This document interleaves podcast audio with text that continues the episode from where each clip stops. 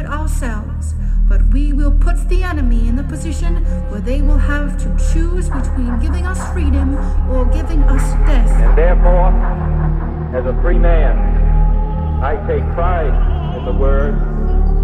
My lord, I am the first accused. I hold the Live out the true meaning of its creed.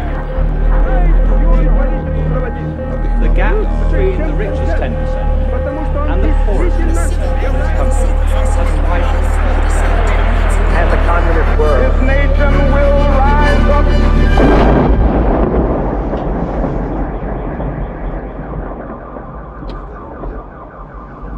Hezký den, vítáme vás u dalšího pokračování podcastu Kolaps, který pro internetový deník Alarm.cz připravují Jan Bělíček a Pavel Šplíchal. tentokrát se hlásíme po dlouhých třech týdnech. Eh, To je pro mě už skoro nepříjemně dlouhá doba a docela jsem se teda už těšil do studia. Co ty, Pavle? No pro mě to bylo nekonečný, Honzo. Nekonečný to bylo i pro Pavla. No tak v tom případě pojďme na to. Na dnešek jsem se těšil o to víc, protože k nám dnes dorazil host, který tu za tři roky naší existence ještě nebyl, což je skoro neuvěřitelné. Eh, Kdo to je, to prozradíme za chvíli. A téma bude taky celkem aktuální, protože se budeme věnovat protestům, protestní kultuře v České republice a to krátce po poměrně velké demonstraci na Václavském náměstí pod sloganem Česko proti bídě. V neděli 16. dubna se na Václavském náměstí objevilo asi 50 tisíc lidí, někdo říká 30 tisíc, Já říkám ještě míň. ty říkáš ještě míň, takže 20 tisíc až 30 tisíc lidí. Policajti přestali zveřejňovat odhady, takže tápem. Nevíme. Eh, Pokud eh, nás poslouchá nějaký policista, tak ať nám řekne, jak to dopadlo. A tisíce těchto lidí se nakonec vydalo demonstrovat až před úřad vlády. Ale o tom až za chvilku. A na tomto místě vám nepřekvapivě musíme připomenout, že Alarm a jeho podcasty jsou financované z více než 70% našimi čtenáři a čtenářkami, na tomto místě také posluchači a posluchačkami. A pokud nás, náš podcast tedy pravidelně posloucháte a chcete nám pomoct ho rozvíjet, přispějte prosím na náš provoz na portálu darujme.cz. Veškeré potřebné informace najdete na stránkách Alarmu v sekci Podpořte Alarm. Díky všem, kteří a které nás už dávno podporují, protože bez vás by nebylo nic. Díky. No a teď už eh, zpět k hlavnímu tématu, protestům v ulicích. Eh, Kromě akce Česko proti bídě se eh, ten samý víkend uskutečnili hned dvě další demonstrace a když k tomu připočteme ještě pražské derby mezi Spartou a Sláví, bylo v ulicích Prahy ten v tyto dny opravdu hodně, hodně rušno. Co to znamená, proč k tomu dochází právě teď a co můžeme v příštích měsících očekávat? O tom si dnes budeme povídat se sociologem a politologem Ondřejem Císařem z Fakulty sociálních věd Univerzity Karlovy. Ahoj Ondřej a vítej u nás v Kolapsu. Ahoj. Eh, Když jsem na začátku zmínil ten fotbal, eh, tak by mě zajímalo, jak prožíváš eh, pražská derby ty Eh, a jestli náhodou nemáš nějaký zajímavý příklad toho, kdy se vlastně překryl nebo protnul ten občanský a fotbalový aktivismus. To je taková osobní otázka na úvod a nevím, jestli to je otázka, na kterou bych měl odpovídat. Nemusíš, Já, jako z derby- odborného hlediska, z Z odborného hlediska, z odborného. Eh, Já myslím, že eh, já ty derby úplně neprožívám a eh, ta, Hmm, to nebude radost na letný. eh, a ta druhá část té otázky byla, Jestli jsi, máš nějaký příklady toho, kdy se protíná ten občanský a fotbalový aktivismus? No, existují, my víme, že eh, ty překryvy tam existují mezi eh, částí fotbalových fanoušků a některými těmi, řekněme, radikálními subkulturami, nebo aspoň tak, jak o tom někdy mluvíme. Eh, Zároveň s tím ale platí asi to, že eh, ta česká eh, fanouškovská scéna není tolik jakoby politizovaná a ne, neposkytuje nějakou jako velkou bázi pro politickou mobilizaci. Já si myslím, že to se dá, to se dá takhle říct. Mhm. Každopádně ale platí to, že já se na tohle to úplně primárně nezaměřuju a mohl Víme, bych víme. eh, doporučit i některé jiné své kolegy, ano. kteří budou Já jsem- schopni já vytáhnout z klobouku ty Já jsem z toho úvodu chtěl vytáhnout příklady. na začátek něco, čemu se vůbec nevěnuješ a co tě hrozně zmate, co se mi podařilo. No, a teď něco, můžeme čemu pokračovat. atletika. třeba věnuješ a to je, eh, že vlastně během teďka v Praze byly tři demonstrace během jednoho jediného víkendu. Začíná podle tebe nějaká jako sezóna protestů nebo bude nějaký hustý léto? Nebo co to znamená podle tebe? Tři protesty v jeden víkend? Já si myslím, že to za stolik neznamená, protože uh, tři protesty v hlavním městě není zas tak jakoby neobvyklá věc. Uh, může, se to, může se to stát opakovaně, nebo já nevím, jak to mám říct, a není to nějaká jako zvláštní, uh, zvláštní událost. To, že se protestuje více v hlavním městě, nebo systematicky, pokud mám mluvit taky o, teda o tom, o čemu se věnuju, tak že systematicky se dá říct, že, ta koncentrace protestů je větší v hlavním městě, logicky máme tady ústřední orgány státní zprávy a taky samozřejmě ta koncentrace v tom čase je větší o víkendech, ve volných dnech, protože eh, lidi mají jednoduše čas se jich účastnit. Takže jakoby tři protesty v hlavním městě To je v ještě jednom málo. víkendu, to vlastně není nic eh, extra eh, jako zajímavého. A co by bylo zajímavého? Třeba 10, 20? Já si myslím, že eh, by mohlo být eh, zajímavý, pokud by se udělal nějaký velký protest a nějaká velká událost, která jednak přitahuje média, jednak je to věc, která je eh, obecně spíš jakoby výjimečná že, jo, v českém prostředí. Mhm. Ty události nejsou, eh, nejsou obvykle, jakoby vel, nejsou velké, nejsou tam statisíce lidí. Takže do, tak když půjdeme k té nejviditelnější demonstraci, což byla ta uh, organizovaná Reichlovou stranou, nebo stranou pro Jindřicha Reichla, tak to nepovažuješ za velkou událost? Já si myslím, že eh, takhle záleží na tom, s čím to budeme srovnávat. Eh, Samo o sobě prostě to číslo, které ani neznáme, eh, ale pravděpodobně se blíží něčemu, já bych řekl tomu, co Pavlovi. říkal Pavel, tak Díky. eh, nám jakoby nic neříká, když to Jsi budeš tam byl, tudíž. No jo, ale když Pardon, to, že ti to ne, to je v pohodě. Aspoň to bude jako uvolněný. Myslím, že to nebude spíš stresovat, ale No, to uvidíme. Ale eh, tak záleží na tom, s čím to srovnáš. Jo? Pokud to budeš srovnávat eh, s událostmi, já nevím, klasických nějakých environmentálních organizací, tak ty jsou systematicky menší, že? jo, malé. Eh, Když to budeš srovnávat eh, s s těmi minulými událostmi, které organizovaly odbory, protože tradičně to byly v České republice odbory, které dělaly ty velké události. Máme tady i nějaké výjimky, že? Ale, ale tradičně to byly odbory, tak ty jsou zase, nebo ty byly, více, ty byly větší, že? jo, mnohem větší. Takže jako záleží na tom komparativním rámci, ale prostě na jednoduchou otázku, jednoduchá odpověď, já to nepovažuji za nějakou uh, velkou událost. A ještě jsme vlastně ne- nezapomněli asi připočítat k tomu ty velké akce Milion chvilek. pro No to jsme přeskočili úplně, no. No, ty, k tomu se určitě dostaneme, který měli taky mnohem větší účast. Dobře, dobře, ale, ale ta, uh, to, to pro toho Jindřicha Reichla, já nech, na tom nechci být zaseklej, jo, ale trošku jsem, uh, vlastně získalo podle, podle Sanepu 6% a podle uh, Kantaru 3% preference v březnu a uh, je to Vlastně jako politolog bych se tě zeptal, jestli je tenhle subjekt jako něčím novej, tady ten, nebo je to nějaký no, vlastně nový SPD jenom? Je- Já nejsem politolog už, Už ale jenom- už jenom sociolog. asi Tak jenom jako sociolog, ale to je taky spíš taková jako no, věc na, na, pro úsměv. E, protože to si člověk sám stejně nerozhoduje a o tom rozhodují druzí. tak a s tím, ne, s tím, Dneska s tím budeš- nic neuděláš. Podle prostě. toho, co se nám bude hodit, tak budeš sociolog tak, nebo politolog. Eh, takže já jsem s tím přestal jako si hrát. Ale eh, tady že na téhle straně politického spektra těch subjektů eh, máme hodně.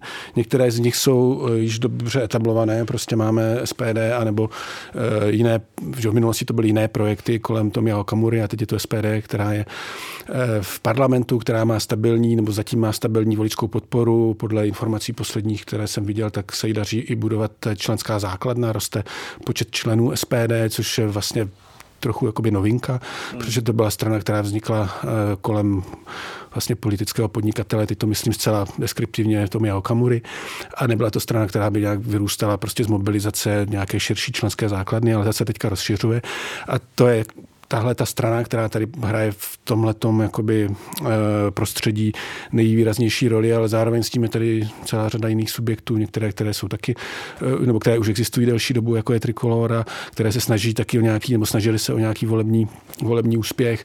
A pak eh, je tady vlastně historie různých těch subjektů, které se objeví, chvíli existují, něco zorganizují, pak zase zmizí, pak se objeví zase nějaké jiné subjekty. Já teď nejsem taky úplně mm, vlastně ten, který tyhle ty subjekty malé jakoby sbírá, za to považuji trochu za zbradatelství kuriozit, aspoň zatím.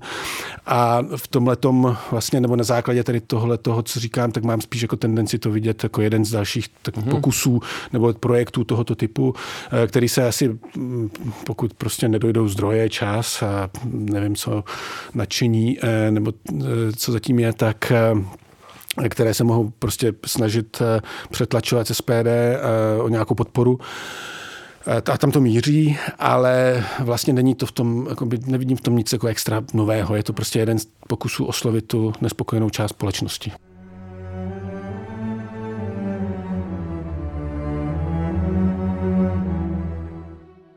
Mě zaujalo na tom, co říkal Pavel, to uh, ty preference. Strana ve stylu Okamurovi SPD, jestli je to něco v tom stylu, tak mě zajímá, co to jako vlastně znamená, jako v tomhle stylu. Jakože jak, dá se to nějak jako definovat vlastně, co, co tyhle subjekty eh, jakoby spojuje nebo definuje?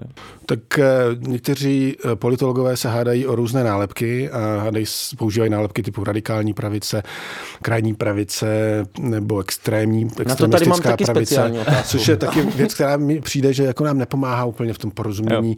Jo. To ne, že bych jako se chtěl každou Pavel, otázku říct, že to nedělám, jo. Ale, ale, Pavel, ale Pavel se ptá jenom na to, jak má vlastně označovat ty lidi, podle mě. No, že jo, to hlavní no ne, no ne, to, ale tohle to je základní, podle mě, velký, jako velk, velká otázka, to, co si teďka řekl. Hmm. Ty lidi takhle označovat nutně nemusíš, jo. My musíme rozdělit eh, tu stranu těch lídrů, tu stranu té nabídky, eh, což je jako trochu tržní metafora, ale tady si myslím, že dává smysl.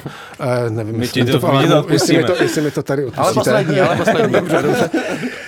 tak, eh, že máš eh, že tu stranu nabídky a to jsou ti, to jsou ti aktivisté, podnikatelé, ano. političtí, kteří nabízí nějaký program, nabízí nějaké ty hesla, snaží se oslovit vlastně tu poptávku a ta poptávka jde ze strany těch občanů.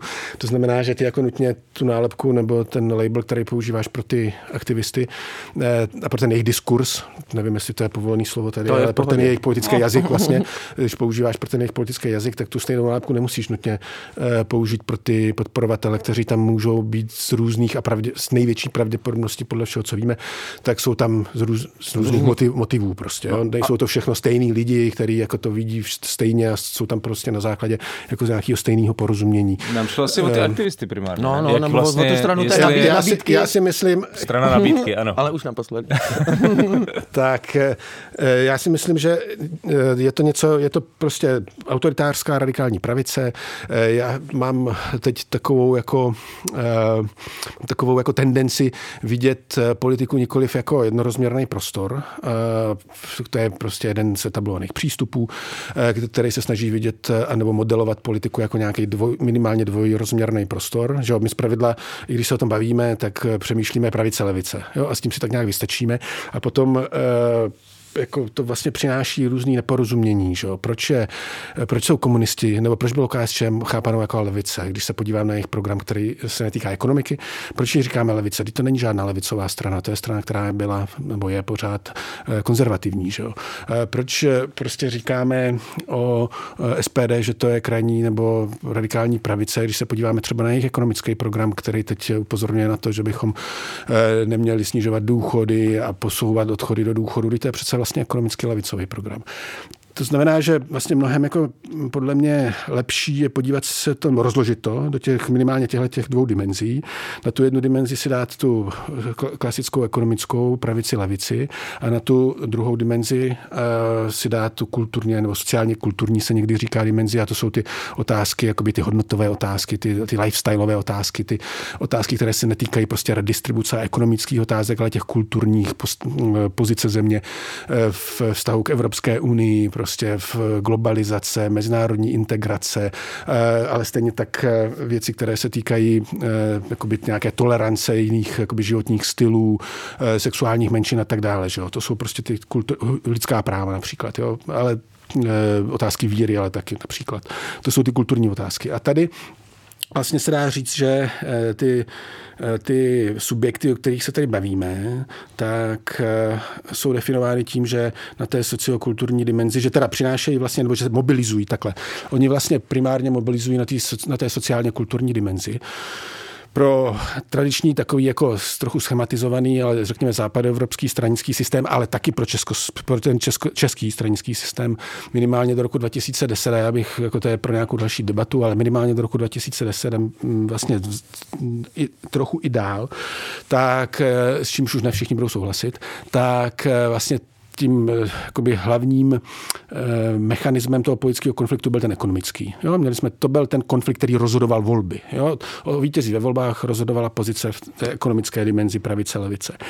A eh, pak tady jsou politické subjekty, které přinášejí, někdy se tomu říká sekundární témata, po té druhé dimenzi se někdy říká, že je sekundární, protože když řekneme, že ta jako ekonomická, ta kulturní, no. že když je ta ekonomická ta hlavní, takže ta druhá, že ta druhá je ta sekundární, čo? a na té mobilizují právě tyhle, ty, tyhle ty subjekty subjekty, ty přináší ty otázky, eh, které se týkají národní identity, migrace, že? to je strašně hmm. důležitá věc, ale to je spojený s národní identitou, náš vztah k EU, k ekonomické eh, integraci. Eh, tyhle ty vlastně otázky, které jakoby nejsou zařaditelné do té ekonomické dimenze a oni tam zaujímají prostě podobnou, jako na té, na té sekundární nebo na té druhé dimenzi, té sociálně kulturní, se pohybují v podobném prostoru. Oslovují programem, který je založen prostě na na vlastně nějakém jako komunitarismu, nacionalismu, že jo, e, tak je tam jako nějaký jakoby autoritářství, že jo, chtějí jako to právo a pořádek, jak se někdy říká, to je toho součástí.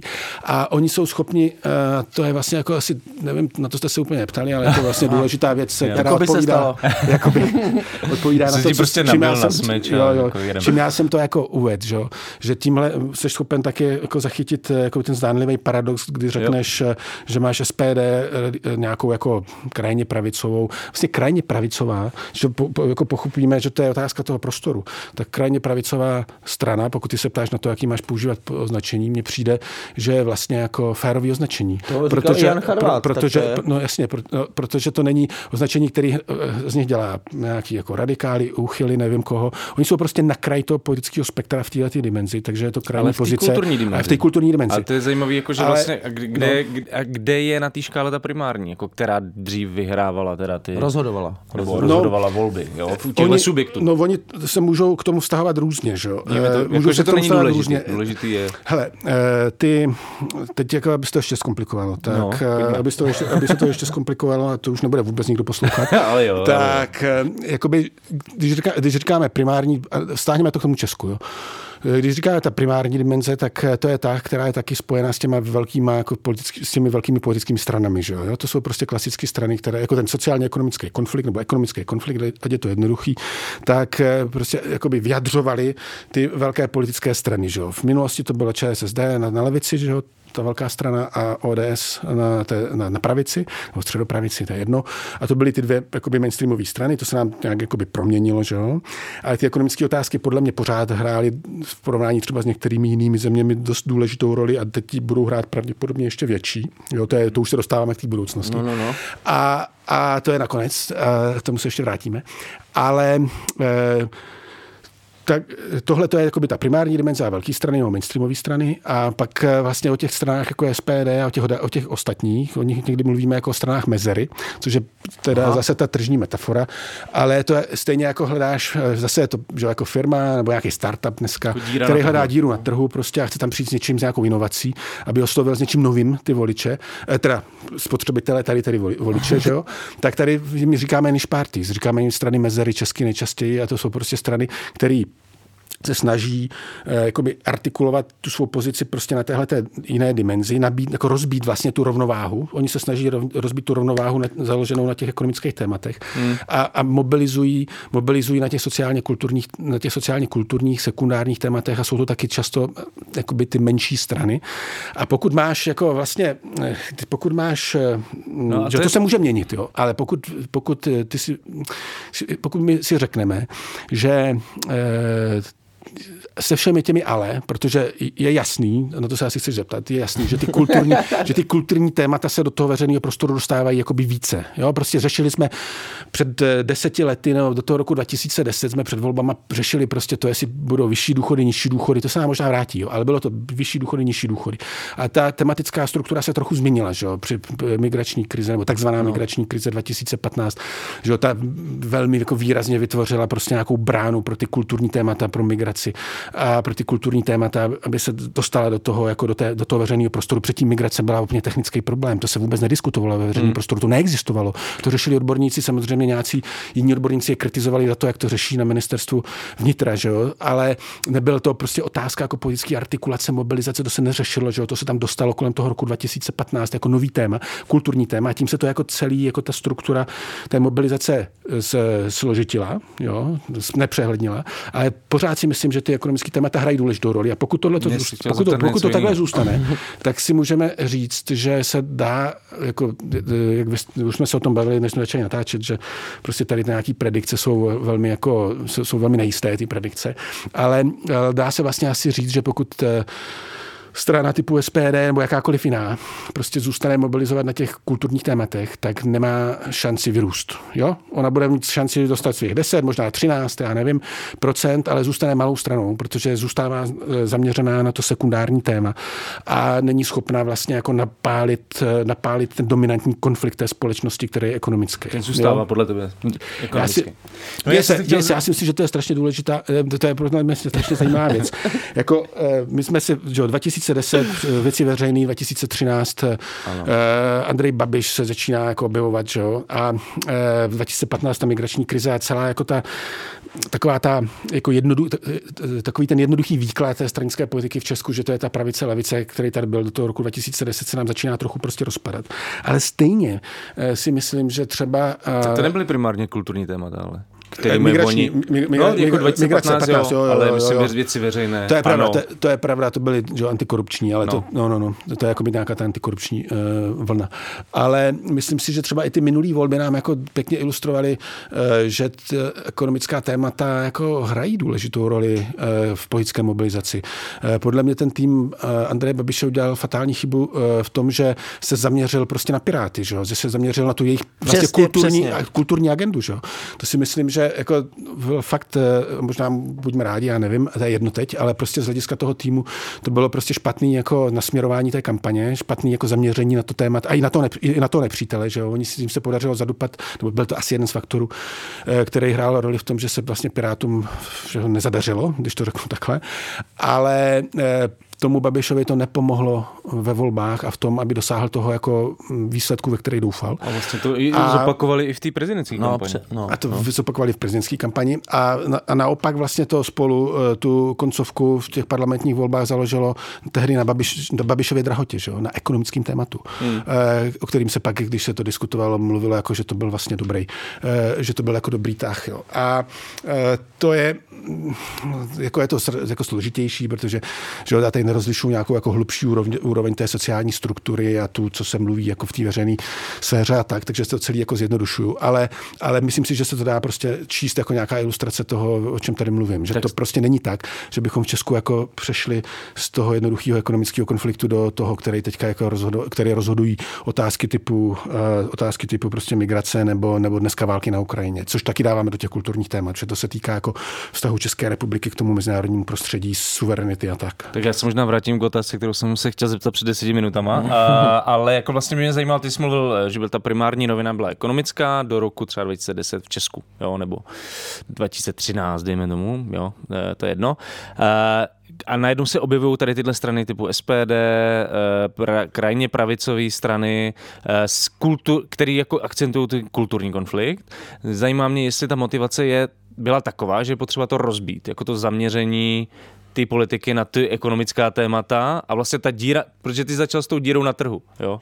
Díra na trhu je to, že nikdo neakcentuje tyhle témata a tímhle jako se jim podařilo vlastně rozbít uh, tu osu vlastně český No my to takhle modelujeme, my to takhle chápem, že vlastně těm stranám jako jde primárně, že ty mainstreamové strany se snaží udržet tu, oni hrajou prim, oni jsou držiteli, nebo jsou hráči v tom hlavním konfliktu uh, a snaží se udržet tu logiku, uh, taková, aby zůstala, jak jsou zvyklí. A ty strany mezery přicházejí prostě s tou nabídkou, která se týká nějaké konkrétní otázky. Že? Příkladem strany mezery z druhé strany toho politického spektra, ne z té autoritářské, ale z té jakoby liberální, kulturně liberální by byly zelení, že? to je hmm. taky strana mezery, a jakoby na té druhé straně prostě toho sociokulturního konfliktu. A e, oni se snaží jakoby ideálně se budou snažit o to narušit ten, konfl- ten jakoby tu logiku toho konfliktu a dát tam nějaký klín a změnit to, protože to může otevřít cestu pro nějaký jako větší uh, úspěch v těch volbách, ale to se zatím nestalo. To se zatím hmm. nestalo a nestává. A prostě na základě těch různých jako indicí dát a nějakého sledování české politiky bych řekl, že, ten, že ty ekonomické otázky tady vlastně jako budou hrát velkou roli a že i to SPD dneska uh, se profiluje a musí, že jo, jak jinak, uh, tak se vlastně profiluje i na těchto těch otázkách a zdůrazňuje, nebo snaží se prostě stavět vůči té současné koalici v otázkách vlastně těch ekonomických, které teď jsou na stole. A ještě jedna věc, která by měla zaznít, protože pak nám to budou psát prostě do nějakého jako eh, chatu nebo někam, že císař říkal, že prostě před... Nám to budou psát, před, ne. No, mě, to, mě, to taky, ale mě to taky píšou někdy prostě, jo.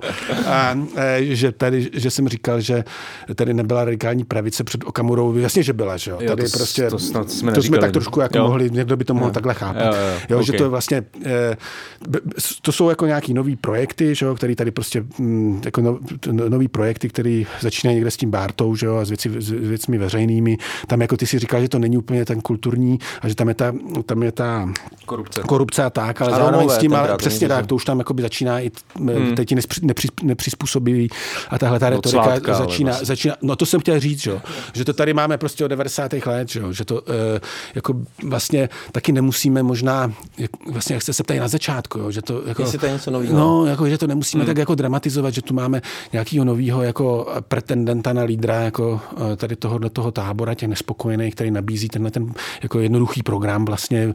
To je, taky je to se dodá pochápat, takže to je snaha o nabídku jednoduchého programu na složité problémy. A tady jsme měli sládka, že jo, sládka, eh, sládka a lidi kolem mě, kteří se chovali, eh, jako když teďka říkáme, že oni prostě volí, já nevím, nějakou jako radikální, nestandardní, nevím, jaká, jakou retoriku nepřijatelnou a tak dál, tak prostě v těch 90. Hmm. letech ten sládek no, nedělal nic, nic, nic, nic jiného a bylo to možná, možná horší, horší že? No, no, bylo, bylo, no, no, to jasně, já to nechci, jasně, to já to nechci. No, no, no, no, no. A že to vlastně není zase tak jako úplná jako novinka a něco, co bychom si měli říct, pro boha, co se děje, všechno se nám rozpadá pod rukama. Eh, prostě t, jako to lidi, kteří takhle, zase nechci, nechci, aby to znělo tak, že to je úplně normální a že to je prostě úplně jedno, že jsou tady lidi, co mají problémy a nebo nejsou schopni se z našeho hlediska třeba zorientovat adekvátně v politice, to vůbec nechci takhle říct, a že se s tím jako nedá nic dělat, ale zároveň s tím tady vždycky nějaká jako část té populace, která se nebude identifikovat s tím mainstreamem, tak tady vždycky nezmizí. bude a bude hledat, nezmizí a bude hledat, nějaký, bude hledat nějaké své politické vyjádření. Sládek, KSČM, SPD, předtím úsvit, prostě věci veřejné.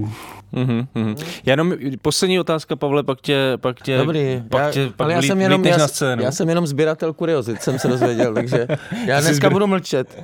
ne, já jsem se chtěl zeptat, že my jsme mluvili o tom, že uh, že vlastně ty uh, hnutí typu SPD, pro, já nevím, Trikolora, nevím, koho tam ještě zařadit, nemůžou uspět bez toho, aniž by se vlastně aspoň částečně vrátili k té primární rovině ekonomický, a nějakým způsobem jako s ní těžili. A teď mě zajímá, jestli je možný, což jako se často objevuje tenhle názor, se vrátit, jako vyhrát nebo mít nějaký výrazný úspěch politický v momentě, když se vlastně jakoby vzdáme ty kulturní dimenze a zaměříme se zase, jakoby, vraťme se zpátky do 90. nebo do, do 0. let a řešme jenom tu ekonomickou rovinu.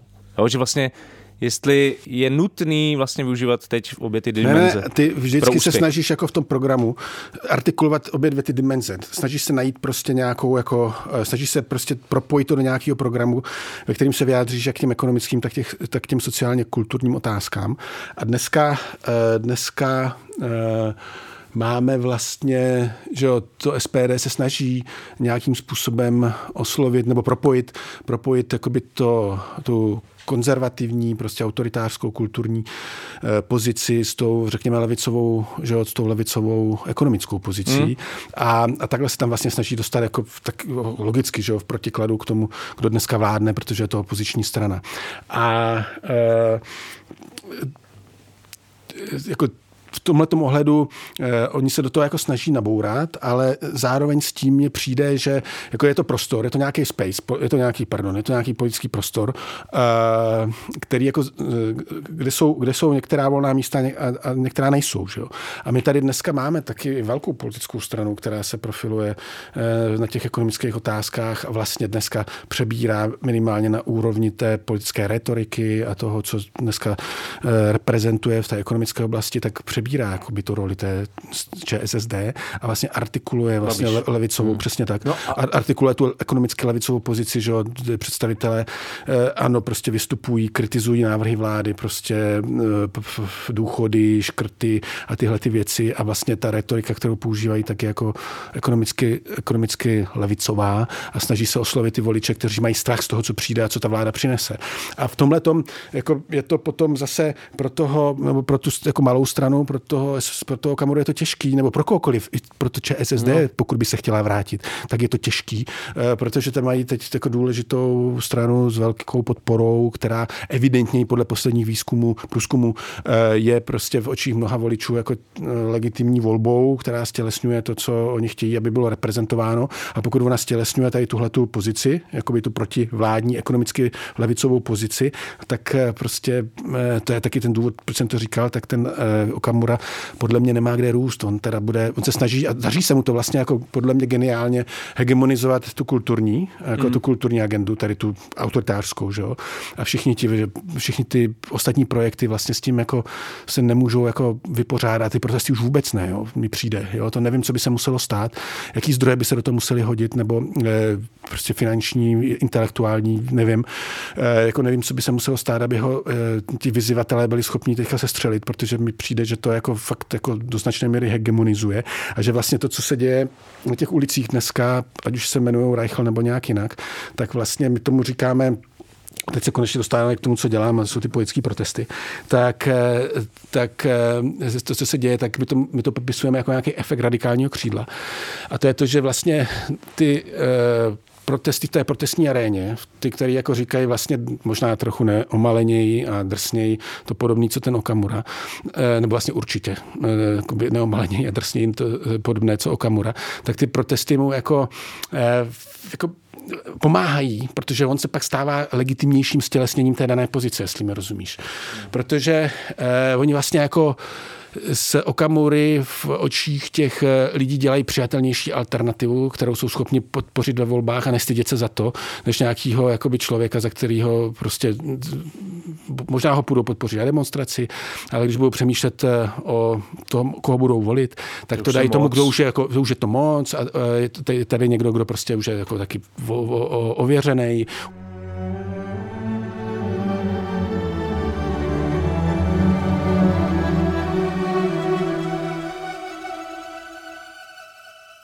Pořiďte si knihu Piko v našem e-shopu e-shop.denikalarm.cz. Nakladatelství Alarm vydává první knihu Piko Junkies Lives Matter. Na životech feťáků záleží.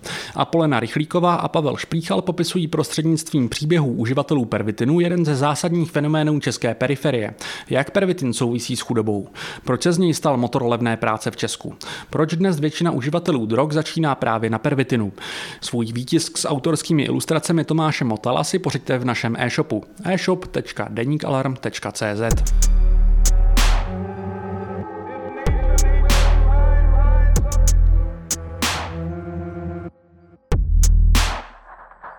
Tady ta, uh, ty mluvíš o tom, jaký má ten uh, politický protest roli v tom posunování těch křídel jakoby na těch krajích, hmm. ale já jsem se chtěl zeptat ještě jako na další funkce vlastně a můžeme rovnou do tohoto roku do České republiky, kdy nejsou volby, Eh, kdy, ne, nejsou letos žádné volby, kdy vlastně jakoby ta, ta pravice nebo ta vláda má jako skutečně jako hegemony, má prostě, má senát, má prezidenta, má poslaneckou sněmovnu, jako i, a nějak se to nepodaří v nejbližší době rozbít nikomu, tak jako jaká je ta funkce toho politického protestu, kromě, eh, kromě toho posouvání těch křídel, protože předpokládám, že to není jediná funkce, kterou má občanská společnost a, a, a že to není jediný, co v té společnosti ty protesty můžou dělat.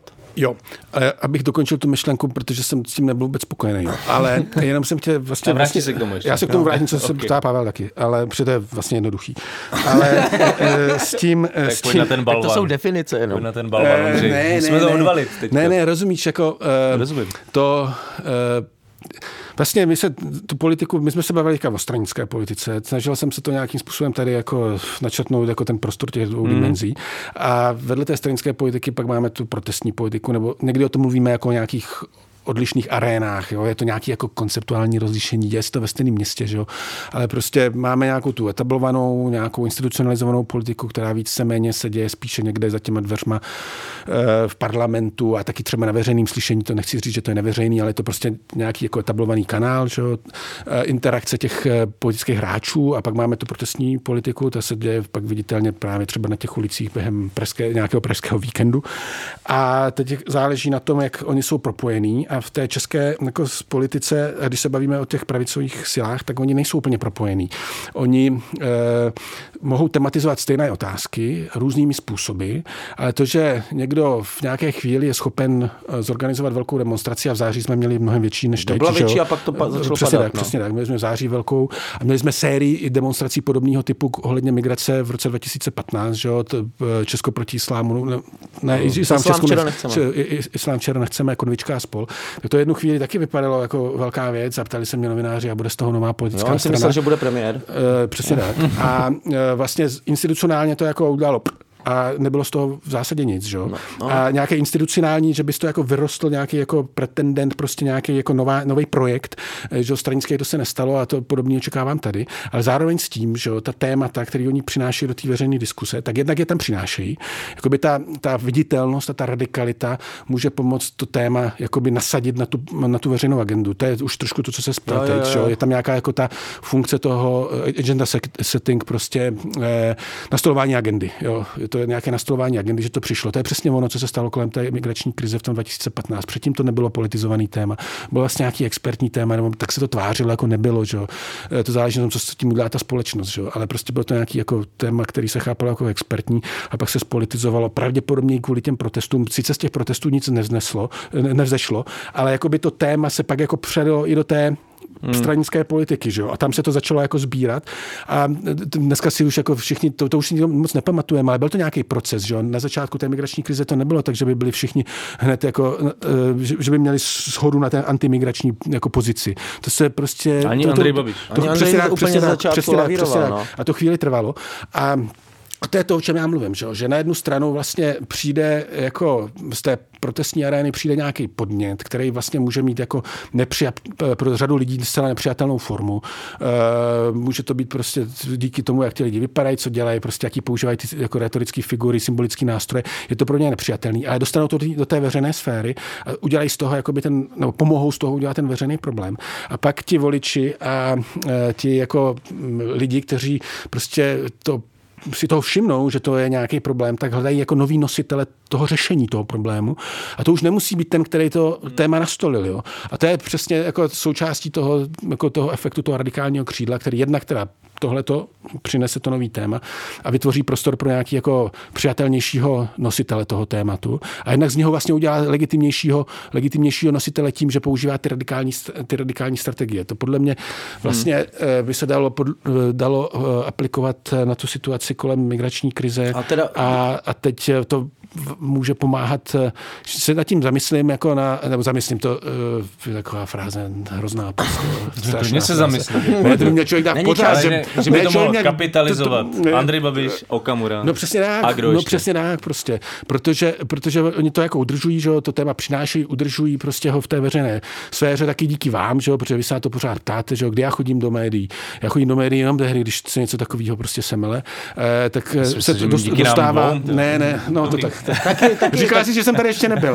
A, a hele, eh, prostě udržuje se to v té veřejné sféře, ale potom to nutně z toho vůbec neplyne, že ten, který to tam jako udržuje, přináší a kdo tam se prostě jako uh, předvádí na té demonstraci, takže to bude ten, který pak bude No a z může toho, to být- ale mohl by to být jako mít, te- mít ty, elektro, ty benefity v těch volbách. Že teoreticky by to mohl být i signál pro třeba vládu Petry Fialy, že by mohl třeba se na tyhle věci zaměřit. No Víš a- že ale tam to- až no to nějaký určitě- jako to problém, určitě. který je potřeba řešit, to typicky bylo, kdy to bylo září, Počkej, ta velká demonstrace. Ale co je, ale co je, Zastropování Ne, to určitě. ale co je to, jakože v 2015 to byla migrační krize, kterou jako zvedlo to hnutí a ty protesty, ale co to je teď to téma? Je to jako válka na Ukrajině je to téma, nebo co je to vlastně jejich téma? Uh, to je téma nějaké jako nejistoty, podle mě. Nejistota. Jo, je to, to prostě nějaká nejistota, eh, která teď tady, s- nebo že jo, my se o tom bavíme v těch eh, kruzích sociologů už dlouhou dobu a to není pro tebe žádná novinka, předpokládám. Už tehdy jste to se tam, to, se tam, to se tam takhle jako omílá už dlouhou dobu. Že, jo? Nejistota. Že, no jasně, eh, že vlastně dochází nějaké jako proměně těch institucí, na které jsme byli zvyklí, vlastně nejsrozumitelněji postavení národního státu a jeho schopností jako zajišťovat eh, nejrůznější typy služeb těm občanům, a že v důsledku ekonomické, kulturní globalizace prostě to postavení a moc toho státu tohleto zajistit eh, se mění, mění se směrem k tomu, že toho schopen, se open čím dál míň, že jo? a že to přináší jako nějakou jako nejistotu pro uh, asi pro rozšiřující se skupiny lidí a uh, to se pak může vyjadřovat jako v nějakých konkrétních že, otázkách, konfliktech, ale to nějaké ohrožení, nejistota do budoucnosti, to můžeš najít prostě v, v té migrační krizi, to můžeš najít teď, že oni to říkají sami, že bída je spojená s tím, že pomáháme Ukrajině a utrácíme tam nějaké peníze prostě na zbraně místo toho, abychom pomáhali českým občanům. Teďka nehodnotím, do jaké míry to je pravda, není pravda. E, teď mluvím o tom jako politickém jazyku, který Spíš se tam používá. No přesně tak. ale, ale teď nám jde o to, že to je jako nějaký výkladový rámec a ten podle mě zapadá ten zapadá jako do nějaké té nejistoty, kterou přináší, jo, ten, tu nejistotu přináší ten, v očích těch lidí přináší ten současný politický mainstream. Je to jedno, Ale... a je to jako ten, ten politický mainstream a potom oni vlastně hledají nějakou alternativu a tyhle ty lidi prostě, jako je Tomio Kamura a ti další, prostě se snaží formulovat tu politickou alternativu a snaží se prostě e, jako získat e, pro ní podporu, protože si myslí, že to je, a myslím si, že mají vlastně, nebo ten, ten Okamura dokazuje, že mají do značné míry pravdu. Takže to je jako nabídka pro ty lidi, hmm. e, protože je to nabídka, která přináší jako nějakou představu nějakého alternativního politického uspořádání. Že jo? Oni chtějí spoustu různých, minimálně deklarativně, že jo? chtějí spoustu jako radikálních kroků, referendum o vystoupení se EU, zákaz islámu v ústavě a věci tohoto typu.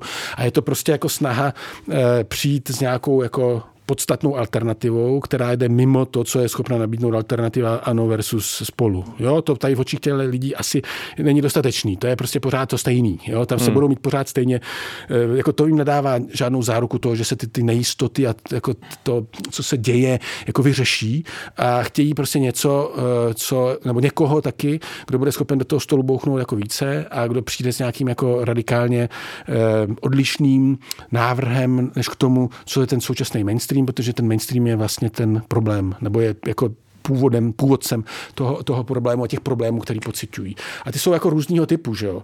A, ale pak se, a pak se ale vyjadřují v těch konkrétních, jako v těch konkrétních otázkách. Tak já mám možná ještě jednu sběratel kuriozit otázku, ale uh, možná to odmávneš jako, jako nějakou jako to moc dobo, jednoduch, moc jednoduchý. nebo dobovou módu, jako, Aha. ale mě uh, a což je dobrý, já jsem jako rád, že to tak vlastně stavíš jako do té dlouhé perspektivy, že vlastně zase jako zas tak nic moc nového se neděje, ale jako já se musím zeptat na ty jako dezinformace. Já sám, ale nejsem z toho nadšený. Jako když, oni, když píšu tady o té Reichlovcích nebo tady o té skupině, tak vlastně používám jako dezinfoscéna, protože mně přijde, že to je trošku jiný než jako ultrapravice, nebo že to je prostě to specifikum tady tý nový, uh, no, novýho jako hnutí tady kolem toho, že prostě ty dezinformace jsou v jádru toho, co oni mají jakoby rádi. Tak uh, jako vnímáš tam tu roli tady těch jako dezinformací, nebo tak, nebo to bereš jako nějakou dobovou věc, o které se spíš hodně mluví, ale vlastně je to pořád to stejný. Jako, já nechci skončit o de, jako u debatě o fake news a dezinformacích, jo, ale tady na toto se prostě jako sběrat, jak sběratel kuriozit.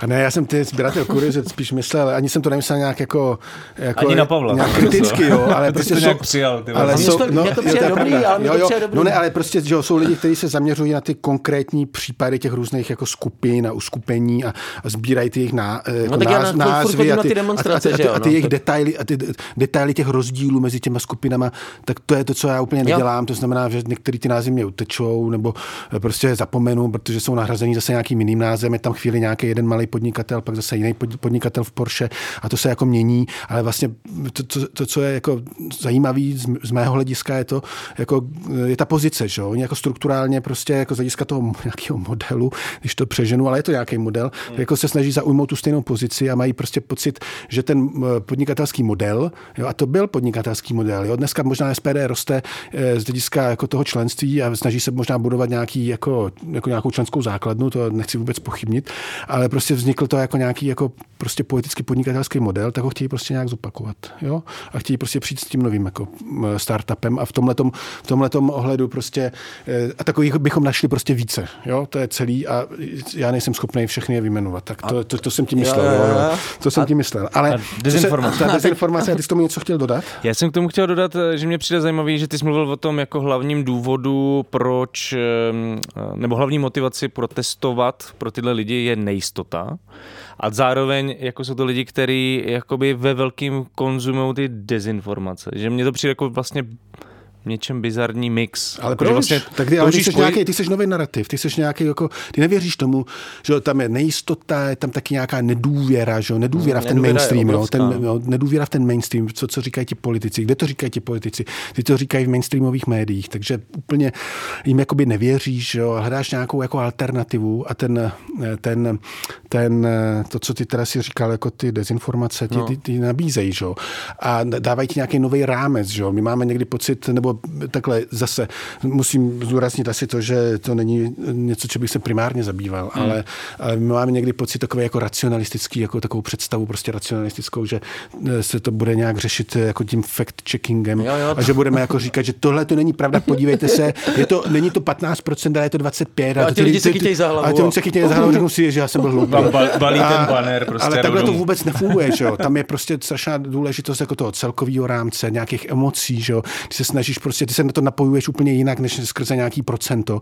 A e, prostě dává ti to jako nějaký, jako nějaký jako ontologický bezpečí prostě, nebo minimálně nějaký jako možná falešný, no určitě falešný přístup, e, pří, příslip, nějaký, jako nějakýho, jako nějaký ty jako, jako zdánlivý jistoty třeba v tom výkladu toho světa, v tom jasném označení toho, kdo je vinník. Takže jo? je to prostě... svět, který to pro tebe je známý který, nebo akceptovatelný? Který nebo... pro tebe je akceptovatelnější, protože prostě nedůvěřuješ, nedůvěřuješ tomu politickému jo. mainstreamu a potom třeba veřejnoprávní média jsou chápány jako součástí toho, eh, toho mainstreamu. A eh, ty dezinformace podle mě hrajou, hrají eh, tuhle tu jako roli, jako někdy takhle. Je to nějaká role, prostě, která uh, dává ti ten alternativní výklad, snaží se ti podat prostě nějaký jako srozumitelný, protože ty nerozumíš tomu, může se, nebo, že ten svět, je, ten svět je komplexní, je to složitý prostě, už ta naše diskuze tady prostě mm. je toho příkladem, no. Ale, a to jsme se prostě dot, dot, dot, dot, dotkli jenom jsme takový, jako, ma, ma, malý část, až přijdu příště a po, po příště do té první. Možná to uděláme nějaký seriál. A, ale, ale, svět je složitý. ale jakoby ta komplexita je eh, velká a eh, tyhle ty... Tyhle Myslím, ty, že po druhém díle už budu chtít poslat, poslouchat jenom dezinformace. tyhle ty, tyhle ty produkty Moc složitý. se ti to snaží prostě jako podat nějakým jako, uh, chtějí ti vrátit tu jistotu té minulosti, že jo? Co oni chtějí? Chtějí nějakou jistotu té minulosti, tohle to ti to vrací. Jasně ti to říká, kdo za co může, kdo je vinník, co se má udělat, máme se vrátit zpátky, vlastně, že jo? Ten národní stát v tom hraje důležitou roli, ta suverenita, to, že se máme zase dezintegrovat, když to řeknu takhle, prostě vystoupit, udělat to referendum, vystoupit se EU, odejít z těch burs, že jo? kde se rozhoduje o cenách energií. Přece stát má rozhodovat o tom, kolik budeme platit za elektřinu, a, nebo doma se to má rozhodovat, že jo? Máme mít na kontrolu vlastně. No, ti to dává, no. dává ti to příslip té kontroly, teďka ti to dává minimálně tu představu, že to, to čteš, prostě najednou to začne být jako jednoduchý, řekneš si takhle, když to budeme dělat, bude to zase znova v našich rukou, budeme nad tím mít kontrolu a dává ti to prostě nějaký pocit, jako nějaký jako jako efemérní, znovu nabité jistoty a taky tu, tu, tu představu toho, že když to budeme realizovat skrze ten politický program těch aktérů, takže se k tomu třeba skutečně přiblížíme. Tak to je jako jedna věc. A druhá věc je ale ta, že a to, jsem si, to je taková jako moje teď jako oblíbená e, figura, která je ale naprosto jako vlastně neúspěšná, tak e, protože nejsem schopný to nikomu jako vysvětlit, mi přijde. protože, Sakr. protože jako by ten, že ty, e, my, když se bavíme o těch, ty, ty si to řekl, já tomu říkám dezinfoscéna, já si myslím, že to je strašně špatný označení. To je hmm. stejný, jak kdyby si od mainstreamových stranách říkal, to jsou televizní strany, jo, nebo jako trochu to přeháním, jo, ale prostě jako to médium. Já se pak pokusím obhájit. Jo, ale... jo, jo, to médium tam hraje důležitou roli, ale nehraje tu důležitou roli podle toho, co víme. Tak ono nehraje tu mobilizační roli, že jo, rozumíš, jo. My máme někdy, když se o tom bavíme, tak eh, minimálně implicitně, když se díváme na mainstreamový nějaký dokumentární nebo nějaký reportáže prostě v české televizi, tak oni tam jako minimálně implicitně, když mluví o těch řetězových e-mailech a mluví tady o tom jako dezinfo obsahu, tak jako předpokládají to, že to je ten mechanismus, jak se ty lidi k podpoře těchto těch strán a hnutí a demonstrací dostanou, ale to není pravda, že? Ten, eh, ten, to, to, je, je to důležité, je, je, to prostě důležité, přesně tak, prostě přijde ti, přijde ti řetězový e-mail a ty, ty, ty, ty, ty, ty budeš podpořit demonstraci Reichla a pak budeš volit Okamuru, ale takhle to nefunguje, že? Ale ten, ta představa tam je. Z té představy potom plyne taky to, že si řekneme, když budeme bojovat proti dezinformacím, to... uděláme fact-checking, prostě eh, zničíme dezinformace, zakážeme dezinfoweby a bude to vyřízený. Prostě na demonstrace Reichla nikdo nebude chodit a Okamura bude mít 4 4%. Ne. Prostě takhle to nebude. Eh, ty uh, média takhle nefungují. Ani ty dezinformační prostě weby a tyhle ty věci. Oni mají nějaký jako posilující efekt. Posilující efekt pro, něco, pro nějakou predispozici, která tam už je. Už je tam nějaký zájem o politiku nebo o ty veřejné věci. Je tam nějaký ten jako snaha najít tu alternativu nějakou. A tu pak najdeš na těch dezinfowebech. Ale je to něco, co to samo, jakoby ten zájem nevyvolá. Co pak já, když ti hmm, pošlu hmm. prostě řetězový mail, tak začneš podporovat prostě Reichla. To se Uvidíme, nestane. Ondřej, jaký to na mě bude mít Já si nějaký vytáhnu, já mám spoustu na hardisku. A e, je to prostě jako no, musíš být plní, připravený. plní to nějakou funkci tady tu jako posilující, možná nějaký jako budování nějaký identity, že dává to ten obsah, to je jasný, taky to urychluje, to víme, co třeba z hlediska, zase když se podíváme na ty protesty, eh, tak víme, že prostě z hlediska jako organizace, informační výměny a když chceš zorganizovat nějakou věc, tak díky těm nástrojům, které ti dávají ty sociální sítě, prostě ty elektronické, elektronické nástroje komunikace, tak jsi schopen to zorganizovat jakoby rychleji, že jo? Prostě hmm. to jako zrychluje, zefektivňuje, když to řeknu takhle, jakoby tu komunikaci, organizaci. Ale podle všeho, co víme, prostě ať čtu cokoliv, já se, když mě to strašně jako trošku jako osobně jako vytáčí, a to můžu taky říct proč, protože pořád všichni o tom mluví, že se zeptáš na jakoukoliv otázku dneska, proč se stalo něco, proč lidi přišli k volbám, proč jich přišlo méně k volbám, protože sociální média, proč jich přišlo víc, protože sociální média, proč volili mm. spolu, protože sociální média, proč volili Okamoru, protože sociální média, to je nesnesitelný prostě. Tak, e, takže mi to vlastně, vlastně trochu odpuzuje, ale, no, ale snažím, se to, snažím se to všechno číst, jako, jo, co se dá eh, k tomu prostě přečíst. A ty výzkumy prostě spíše ukazují to, že to je důležitý, jako v tom budování, v nějakém jako posilování třeba i toho vztahu potom, ale není to, má to velmi omezenou, zdá se, jakoby funkci v té jako prvotní mobilizaci a že tam prostě hrají jako v tu, tu, tu roli úplně jiné věci, než to, že dostaneš, dostaneš nebo že ti někdo bude, přeposílat jako ten řetězový e-mail. Jako v jedné té reportáži, to bylo neuvěřitelný, kterou jsem viděl, tak tam jako, oni tam udělali, oni tam udělali nějaký jako rozhovory s pár, už jsem zapomněl, s třema, čtyřma nějakýma lidma eh, důchodového věku, kteří přeposílají ty řetězové e-maily a oni jim to i řekli, eh, jak to dělají, že to posílají těm svým známým. Nebo rozumíte, jo? že tam je nějaká jako už síť, která je předvytvořená a on to posílá někomu, o kom už ví, že ho to bude zajímat.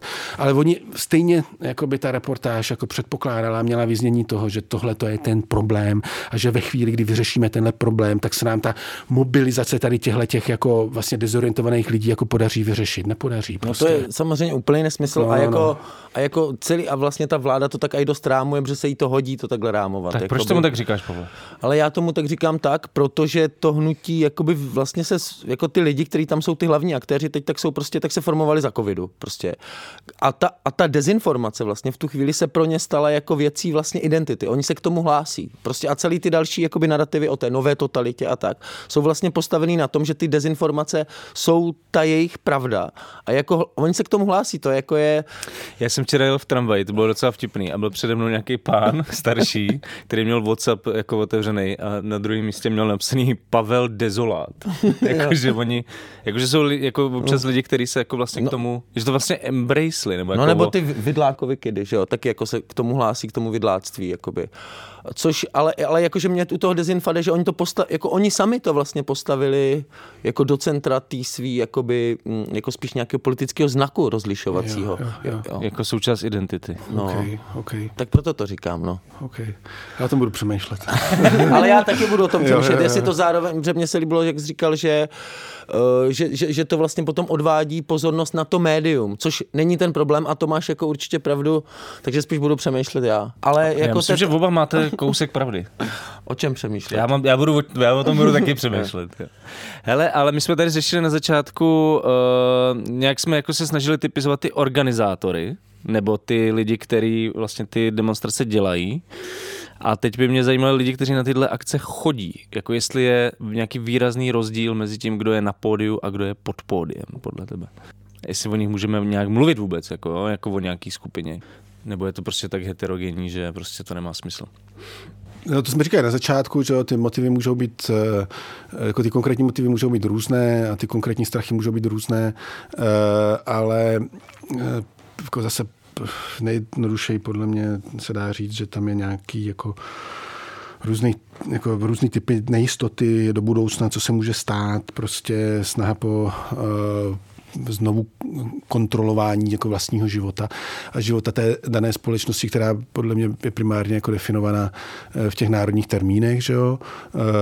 Česko na prvním místě, nebo takhle byla ta, takhle byla ta, byl název té velké demonstrace no, no, no, v září, že jo. To si myslím, že důležitý, že vlastně ta národní identita eh, v tom hraje pro všechny ten, jako tu roli toho, to, té kotvy, nebo toho, k čemu bychom se měli vrátit. Česko, Česko proti bídě.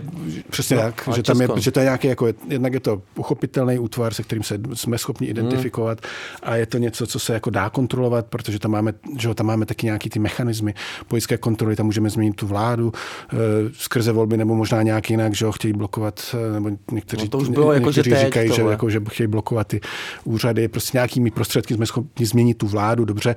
Teď, uh, to teďka nemáme otevřený. A, a je tam vlastně nějaká, jakoby, je to nějaký uchopitelný, představitelný prostě prostor. Uh, si myslím, že to se o tom dá říct. Eh, ty uh, lidi na tom pódiu potom jsou lidi, kteří jako jsou spíš jako součástí nějakého typu elit. Že? Hmm, jsou to jako ekonomické no. nebo prostě nějaké, jako jsou to nějaké elity. Ty lidi pod tím pódiem z pravidla asi nejsou součástí nějakého typu elit. I když mm, jako teď se bavíme, bavíme o nějakých jako typizovaných průměrných jako profilech. Jo. Teď, teď můžeš říct, že tam byl někdo nějaká konkrétní osoba, která tomu neodpovídá. Jasně. Ale to je tak vždycky. Jo. Jo, jo. Jo, jo. Jo. Thank you.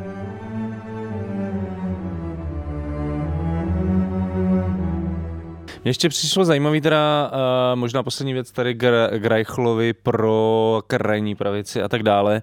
Jak si vlastně vysvětluješ to, že vlastně ten podobný typ se napojil nejdřív na antimi, antimigrační hnutí, pak vlastně na ty protesty proti bezpečnostním opatřením během covidu a teď vlastně na ty demonstrace proti chudobě a válce na Ukrajině. Vlastně si... co, co je to pojítko? To je fakt zajímavá otázka. Já si myslím, že eh, to pojítko je jako snaha po formulaci té alternativy v nějakých jako srozumitelných jako e, slovech nebo termínech. Jo. Že prostě ne, nemůžeš jako přijít, nebo jako já to můžu udělat, eh, ale nikdo tomu nebude rozumět a nikdo mě nebude poslouchat, když řeknu obecně, že současný politický mainstream stělesňuje něco, s čím já se nestotožňuji a chci přijít s nějakou politickou alternativou. To je prostě bezobsažný. Eh, ty tam tomu musíš dát nějaký jako konkrétní obsah, něco, co bude ty lidi mobilizovat a to může být v některé chvíli, to může být prostě migrace, v některé chvíli to může být covid, protože součástí mainstreamu jsou nějaká opatření, že, která se navíc ještě mezinárodně koordinují a tak dál. A ty se snažíš prostě najít zase nějakou, jako, nějaký prostor, jak formulovat tu Eh, alternativu vůči tomu mainstreamu, tak vlastně začalo i to protimigrační hnutí, podle mě. Eh, takhle bylo podle mě chápáno a to, že se z toho potom stal později ten český mainstream, tak to jako není protiargument. Že? To, byl možná, to je možná něco k tomu úspěchu, jako by tomu, tomu úspěchu na úrovni toho politického jazyka, eh, té mobilizace, ale není to protiargument. Byla to taky snaha po nějakou jako formulaci pro nějaké politické alternativy. A, a stejně je to teď. Teď je prostě ten mainstream tím podpora uh, Ukrajiny uh, ve válce proti hmm. Rusku, nebo respektive obrana Ukrajiny uh, proti napadení Ruskem, to je asi zcela adekvátní takhle říci. A to je ten mainstream, alternativa je prostě tohleto. A neznamená to nutně, že tím primárním cílem je podpora asi Ruska. Ruska. Hmm. Jako a mainstream, evropský mainstream, když mluvíme no, o no, no mainstream. No, ale, tak tam, tam no, ale ten v Česku je to taky, že jo? A v tom ohledu tam, tam vládne zmatek, protože Reichl teďka naposledy řekl, že on teda rozhodně není pro Putina a zeptal se těch lidí, taky nejste pro Putina nebo nějak takhle. A, no, no, bylo, byli, byli zmatení a nebylo to nějak jednoznačně a bouřlivý, spíš jako přesně nevěděli. No, ale ty prostě hledáš, podle mě jako hledáš, jako e, hledáš prostě způsob, jak se prezentovat jako někdo, kdo si zaslouží tu podporu. Proč bys měl? Ty nemůžeš, pokud chceš přijít s alternativním projektem, ať už prostě v, jako tržním nebo politickým, tak nemůžeš přijít se stejným produktem, jako už tam je. Se omlouvám zase za ty tržní metafory. Jo. Já to sám často nemám rád, jo. ale tady to podle mě dává velký smysl. Jo. Prostě když chceš jako něco urvat nového, chceš prostě přetáhnout zákazníky nějaký firmě, nebo si přetáhnout, nebo chceš dostat lidi, co nevolí, nebo přetáhnout voliče nějakých jiných politických stran, nemůžeš prezentovat stejný program, který už tam někdo prezentuje. Proč by, proč by přecházeli? Prostě budou spíš volit to, co jsem říkal, a neřekl jsem to úplně hezky, ale když budou volit toho, kdo už se tam osvědčil. Jo? Jo. jo? V, tom, v té roli, jasně, jasně. No, no. no to by, a už, už to opustíme, já jsem fakt jenom ten, možná ten sběrač kuriozit, ale ještě se v Praze, teda o víkendu, byť ty říkáš, že to nebyla žádná sláva, odehrály dvě další demonstrace, pochod pro rodinu necháme asi pro dnešek stranou, ale taky v sobotu byla demonstrace klimatického hnutí proti chudobě a proti energetické chudobě, která měla ale jako malou účast a média moc o ní nereferovala. Ale ta demonstrace taky jakoby tematizovala sociální problémy současného Česka a chudoby, uh, ale vlastně já se zeptat na to, proč jako v jiných zemích se tě, tady těm klimatickým akcím jako hodně daří vlastně. A v Česku je, se to prostě pořád jakoby nedaří, byť Fridays for, for Future vypadaly jednu dobu hodně nadějně ze začátku, ale pak to vlastně to taky jakoby docela upadlo, takže tam je jako několik jako stovek hodně aktivních třeba lidí, nebo desítek možná, ale jako ty ulice zaplnit jako ani přibližně, jak tomu Reichlovi nebo tak, nebo jak se to děje na západě, tak se prostě ne, nedaří, tak proč? Tak dobře.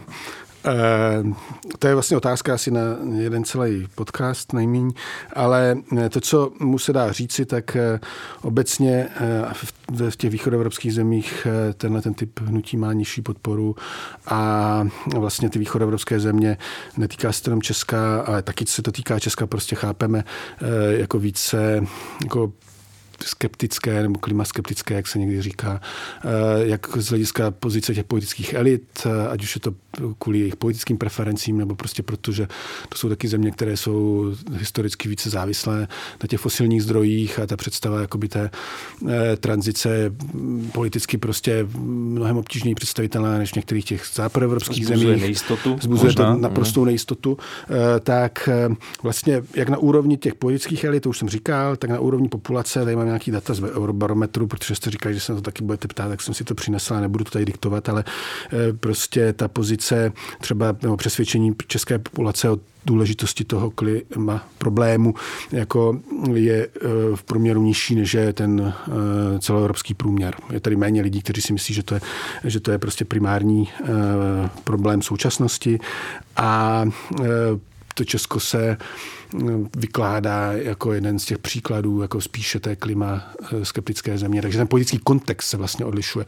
Odlišuje se ten kontext jak na úrovni asi eh, postojů těch eh, obyvatel, což se pak třeba překládá do toho, že, že ten rozdíl v Fridays for Future, data, co máme, tak ukazují, že ve východní Evropě, i když se někdo mobilizoval, a někdy to vypadalo, že se někdo mobilizoval, tak jak si to říkal, tak se mobilizovali hlavně ty středoškoláci nebo respektive ti mladí, průměrný, takový ten průměrný jako účastník nebo účastnice, vlastně bych měl říci, eh, toho protestu ve východní Evropě je, je eh, mlad, je mladá dívka, jo, studentka prostě. Mm. To je, to je jakoby prů, Třeba 16, to je typ, typický, no středoškolačka prostě. Jo, jo. A bude to spíš žena, bude, to, bude, bude, bude mladší. V těch západoevropských zemích se těch akcí eh, se podařilo, aby to proteklo taky do těch uh, starších ročníků. To znamená, že těch, těch akcí a tu podporu tam vyjadřovali maso, masově i ty starší ročníky, což se třeba v tom Česku úplně nestalo. A ve východní Evropě podle těch dat, co máme k dispozici.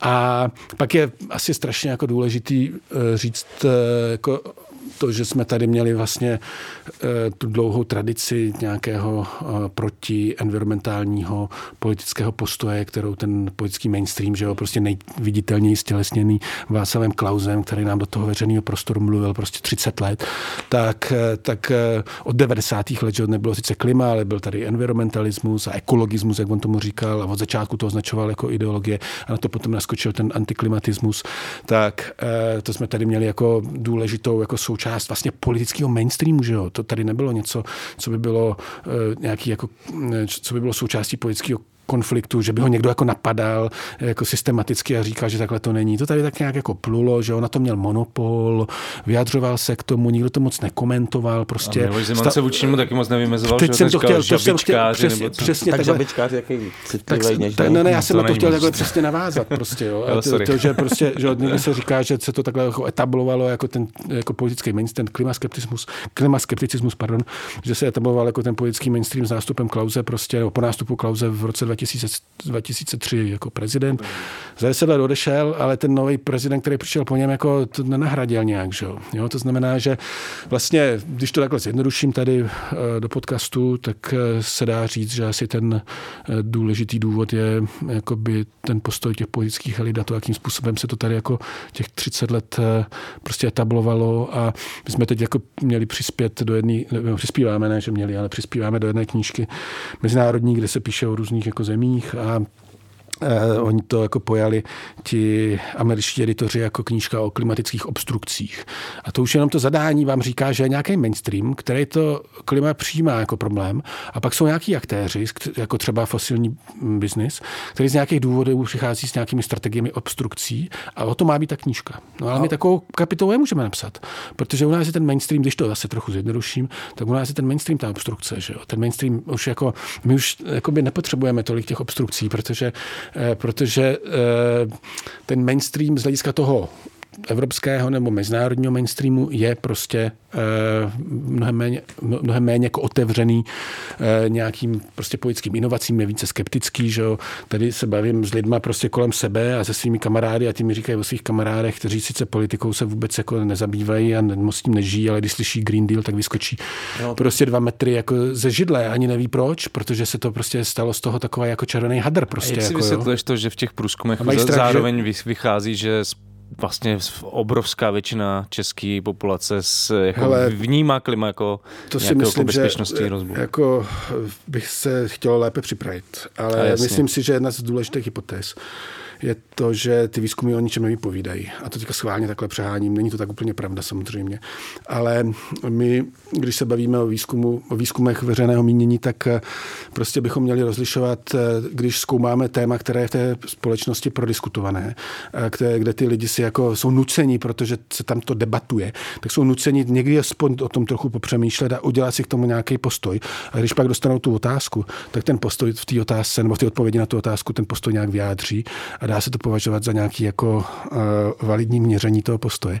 Ale ti lidi, kteří se, a tím se taky nezabývám, takže další téma, kterým se nezabývám pro podcast, ale ti lidi, kteří se zabývají těmi výzkumy veřejného mínění, pak jako upozorní na to, že často, uh, když ta podmínka splněná není, takže nedostaneš odpověď, která by zrcadlila nebo byla jako zprávou postoji toho člověka, ale prostě to, co ho napadne.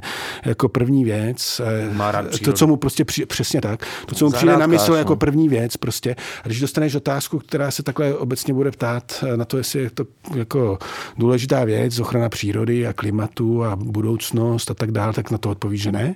No sam na to odpovíš hmm. samozřejmě, hmm. že ano. Hmm. To znamená, že uh, vlastně myslím si, uh, byť si to není atraktivní téma, ani to um, jako nemám teďka úplně hezky připravený, tak že tam byla i tahle ta otázka jako metodologická hmm. a Eh, podle mě to je třeba prostě vidět v nějakým jako širším, asi komparativně se dá říct z ušeho, ale prostě tady je to jako důležité vidět v nějakým širším komparativním kontextu. A srovnat to i s nějakými těmi jinými zeměmi a z toho tak jako trochu spíš vypadává, že hmm to není tak jako úplně zelené nebo růžové, nebo jak to říct. No. Když ty jsi mluvil o tom, že vlastně ty um, politické subjekty musí najít nějaký nový jakoby, program, nová témata, aby mohli jakoby, zaplnit nějaký volný prostor v té politické mapě, tak teď eh, mě zajímá prostě situace ČSSD levicových stran. Mm-hmm. V situaci, kdy vlastně oni často nabízí podobnou, už to tady vlastně zmiňoval, podobnou eh, třeba eh, na ekonomické rovně podobnou, podobný program jako třeba Babišovo ANO, nebo teď částečně vlastně i SPD se pokouší o nějakou jakoby více levicovou politiku, ale ČSSD k tomu nemá třeba ten vyhrocený jakoby konzervativní program na úrovni těch hodnot. Jo. Jestli eh, je možný vlastně ehm, bez těch, bez té kulturní takzvaně v úvozovkách nadstavby vlastně něco zmoc v takovémhle kontextu, jo? že vlastně jestli dává smysl navrátit se zpátky do nějakého ekonomického konfliktu bez toho, aniž by tam hrála důležitou roli ty kulturní hodnoty. Já myslím, že to je obtížný. My jsme jako situaci, kdy ten prostor, který by ta ČSSD chtěla znovu zabrat, je podle mě obsazen a je obsazen stranou nebo organizací politickou, Eh, která má podporu, která má zdroje, která je stabilní, která mluví srozumitelným jazykem, která může přesvědčivě prezentovat sama sebe jako prostě někoho, kdo byl schopen v minulosti něčeho dosáhnout. A teď už se nemusíme, nebo ne, jako já nechci teďka jako říkat, jestli to je pravda nebo ne, ale prostě může to tak prezentovat eh, podle mě kredibilně a uh, už jenom z tohoto hlediska a i se, všema těmi, se všemi těmi dalšími problémy, jako jsou ty zdroje a ty ekonomické problémy ČSSD a, a e, personální, že, tak e, je to podle mě velmi jako obtížná věc a je to věc na nějakou jako diskusi asi Jasně. jinou, než, než, než tady do podcastu. Já každopádně jako nemám jednoduchý recept na znovu obnovení ČSSD. Asi, asi prostě my nemusíme mluvit o ČSSD, ale jako mě spíš sociálně nějaký jako strany. sociálně demokratické strany. Ale Jestli tak není vyloučeno, je... že se může transformovat ano, nebo rozumíte, jo? Jako já teďka si... No ale jestli je tam taky... nějaká díra, jako si registruješ nějakou díru na té politický, v té politické jakoby hm, poptávce nebo nabídce spíš, eh, kterou by mohl takový subjekt, zase. Eh, subjekt jako zaplnit. Tak myslím si, že eh, je tam že on, na té straně jako, na té straně jako také kulturně liberální a těch tématech, o kterých jsme se bavili, si myslím, že tam je jako prostor pro nějakou jako zelenou stranu, pro stranu, která bude jako více eh, tematizovat právě třeba ty klimatické otázky a tak, ale eh, taky si myslím, že to nemá tady už jenom pro, to, pro ten kontext, který jsme popsali, tak to hmm. rozhodně není jako jednoduchý, eh, jako jednoduchý, jednoduchý úkol. A, ale dokážu si představit, že prostě které možná události budoucnosti, které prostě předvídají někteří že, klimatologové hmm. a jejich modely a v suchu a věci tohoto typu prostě nepředvídatelné počasí a tak dál, prostě mohou dát eh, jako, mohou změnit ten kontext a mohou prostě vytvořit nějakou jakoby, příležitost tady pro tenhle ten typ jako politického subjektu. Konec konců, že když se podíváme, eh, zase když to budeme trochu schematizovat, ale podíváme se na západ, tak eh, tam ty sociálně demokratické strany jaky prochází krizí, že to není žádná česká, jako česká věc. A ty sociální demokracie prostě se perou jako, a nejsou schopni dosáhnout těch výsledků minulosti, ale je to často právě Nikdy, jo. vyváženo tím, že rostou ty strany zelený, že, že se mm, jako přelívá mm. ta podpora prostě tady těm jako no, novým jako subjektům, nebo už nejsou tak noví úplně, že, ale v porovnání se sociální demokracií asi jo. E, takže to, což u nás úplně není, e, že tam to šlo jinou cestou, ale e, myslím si, že jako pokud je někde nějaký prostor když se na to podíváme v nějakým středně dobým horizontu. Takže tak na krajní pravici je plno tady, docela. Tak tam, no, tam si myslím, že je plno. Tam to, je podle mě plno. No. Tam tak nevím, jako... co bych tam nabít ještě. No, to už je... to jako je no, tak chodíš na ty demonstrace. No, no chodím, tak... no právě bych nevěděl, už jsem všechno slyšel. Ale ještě bych se chtěl uh, teda zeptat, že ty jsi vlastně popsal, že, že, že mně se líbilo, protože sám si to myslím, že jako Babiš udělal chybu 2021, když uh, nešel místo toho jako proti vlastně spolu a zase, že on je ta záruka toho jako socia, jako mír, nějakého mírného růstu životní úrovně. Prostě to bylo jeho jako podle mě největší jako devíza. Místo toho se pustil do těch kulturních válek nějakým způsobem a prohrál prostě, protože to mě nikdy nenapadlo, ale že vlastně oni naopak to spolu řeklo prostě Babišova drahota, my to jako zastavíme.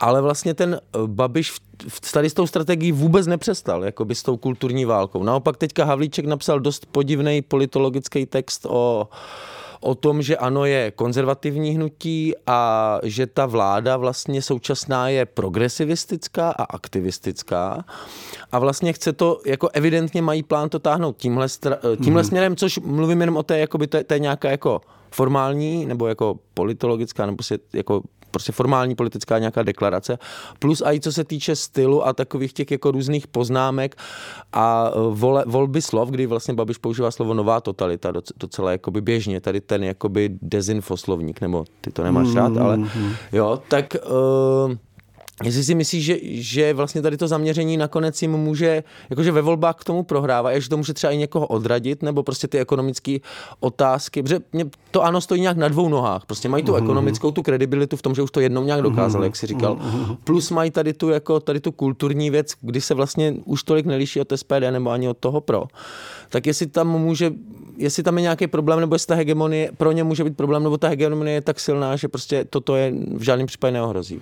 Já samozřejmě nevím, eh, co se stane, ale jako my víme taky zase, když se podíváme na ty jako výzkumy, co máme z minula, tak eh, zatímco typická, zase to budu tak typizovat, jo, udělám nějaký průměr, ale zatímco typická sociální demokracie západoevropská artikulovala, propojovala tu uh, levici kulturní a ekonomickou, to znamená, že tam měla nějaké to zdanění, veřejné služby, věci tohoto typu v ekonomice, ale zároveň s tím tam prostě prosazovali jakoby to, co teda asi ten Havlíček by nazval jako progresivismus, že jo? Hmm, prostě jako tu toleranci, e, stejnopohlavní páry, e, jejich zrovnoprávnění a tak dál, tak vlastně ty levicové strany východoevropské v průměru v průměru. Nejvíc to asi ilustruje u nás spíš jako KSČM, ale vlastně tak. i to, i to ČSSD, když si vzpomeneme na to, jak se třeba pak profilovala v té migrační krizi a, a samopaly u ledničky a tak dál, tak, eh, tak vlastně propojovala, nebo ta levice prostě postkomunistická vlastně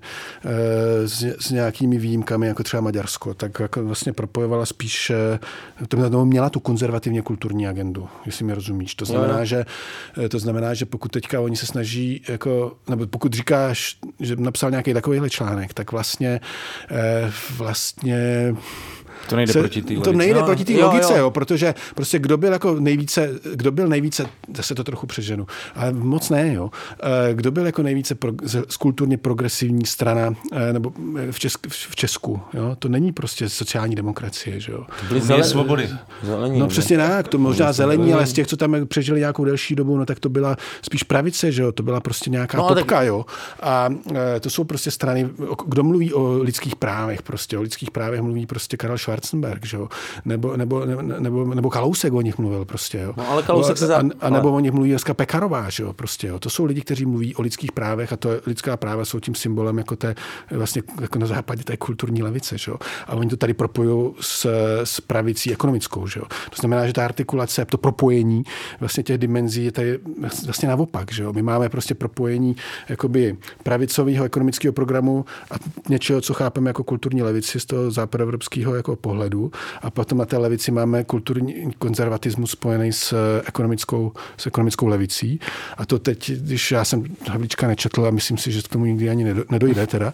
Ne, ale, není to dlouhý. Ale, Jak už to ale, tak bývá. Ale, ale to by vlastně jakoby, jakoby zapadalo do toho, zapadalo by to do toho Eh, do toho vzorce. Prostě. Jo, jako není takže to, vlastně, není to že, úplný nesmysl. Že? Jo, takže pokud jo. se říká, že ano, nějakým způsobem nahrazuje ČSSD, tak toto rozhodně není ten jakoby... To není výkyv, že jo? To není výkyv v tomhle ohledu. To není výkyv. Ale vrací se k Protože on, on, pak řekne, ta podpora Ukrajiny, že jo, ten internacionalismus, to, co tady reprezentujete, to je prostě, uh, to, uh, to je prostě jakoby ta progresivistická pozice kulturní a takhle jim to jako, když vlastně jako mluví do ODS jako progresivistické straně, nevím. No, no on tam ODS, ale... on tam, on tam ODS ví, výjima, a ale výjima, říká, že ta dobře, koalice, aha, jo, jo, jo, ale že ta celá ta koalice vlastně. Jo, jo, jasně, jasně, jasně. Ale dátava tam i KDU ČSL. No to, ale to se podle mě dá bez problému, prostě i na základě, jako na základě všeho, co víme, tak se to dá podle mě odargumentovat tohle. Asi to nebude takový problém. Takže ty jako teoreticky jsi s Havlíčkem prostě.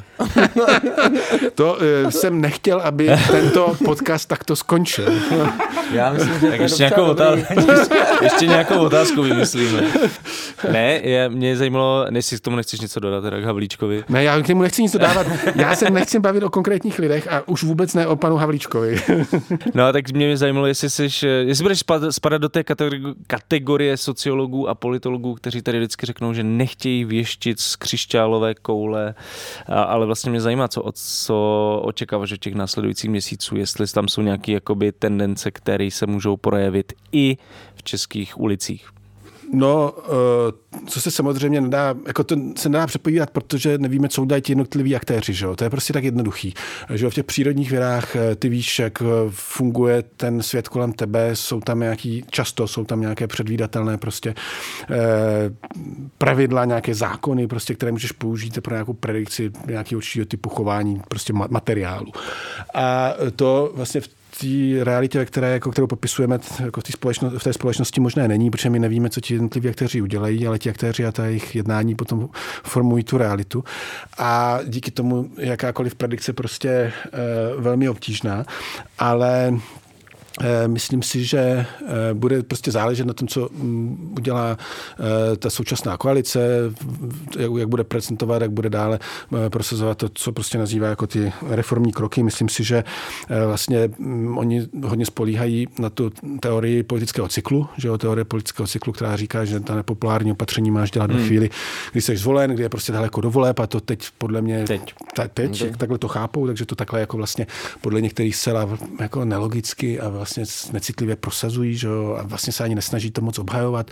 Eh, hmm. On tam eh, ten politik prostě, nebo někteří ti politici za ODS místo toho, aby prostě prezentovali nějaký obsah, vizi, něco, s čím se ti lidi budou schopni, což třeba Václav Klaus v 90. letech uměl, že jo, to, to prezentoval, nám neříkal žádný analytický zjištění toho, že potřebujeme škrtnout, protože nám chybí, eh, přesně tak, že nám chybí tolik a tolik miliard, program, proto to musíme škrtnout. Jako, co s tím mám, mám dělat? To má prezentovat analytik tomu ministrovi, že Ministr pak má přijít do médií a říct, že se to udělá, a hmm. protože, a teď tam má nějaký obsah, jo.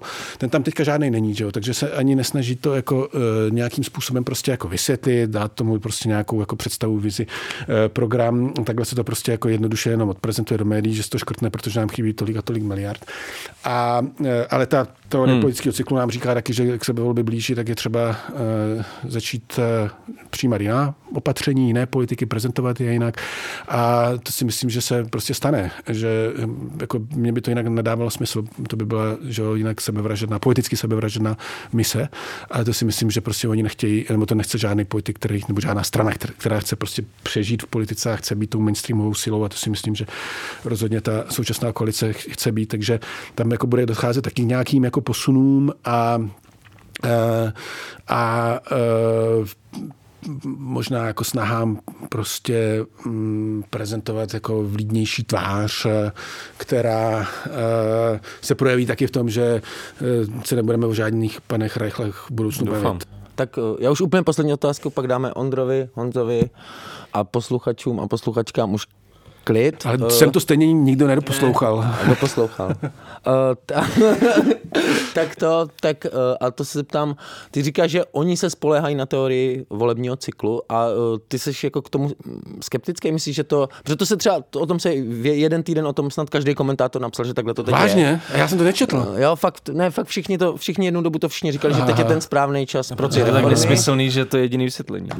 No, ale hodně to říká, ale jako myslíš si, že já to, jsem, že to může zradit tady ten spolek? Myslím si, že to může zradit. Jo. Myslím si, že to může zradit. No. No. E, nejsem si jistý, že se na, na to takhle jednoduše spolehnout. No. Hmm. Tak to jsem chtěl slyšet. Tak super. Eh, o neklidných dnech v českých ulicích, občanských reakcích na aktuální krize i protestní kultuře ve východní Evropě jsme si dnes povídali s politologem a sociologem Ondřejem Císařem z Fakulty sociálních věd Univerzity Karlovy.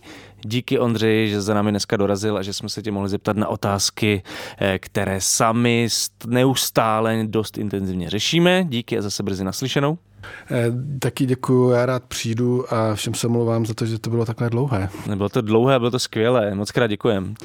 E, to byl totiž dnešní kolap s Ondřejem Císařem. Pokud chcete, aby jsme se s Pavlem dožili blížícího se z tého dílu, tak zvažte naši podporu na portálu darujme.cz, protože vznikáme jen díky vám a vaší přízni. A tohle je díl kolikátý? To už... Tohle je 94, myslím. Já jsem víc, to tam zapomněl ale, napsat. To je podle mě víc. Já tak najdu. já jenom připomenu, že kolaps... Já to myslím najdu. Jo. A já myslím už jenom na závěr připomenu, že kolaps má už nějakou dobu svůj profil na streamovacích platformách, nejen tedy jako součást všech ostatních podcastů Alarmu najednou, které samozřejmě rovněž taky doporučujeme ale můžete ho poslouchat i samostatně nyní. Mm-hmm. A já mezi tím jsem zjistil, že tohle je 97. díl, takže už zbývá je další tři. Pavle, musíme se chystat na naši oslavu. Ano, ano chystám se. Mám e- několik nápadů. Tak to už je pro dnešek eh, úplně vše. Doufám, že jste si dnešní díl užili tak jako my. Loučí se s vámi Jan Bělíček a Pavel Šplíchal. A budeme se těšit u dalšího pokračování podcastu Kolaps. Čau. Čest.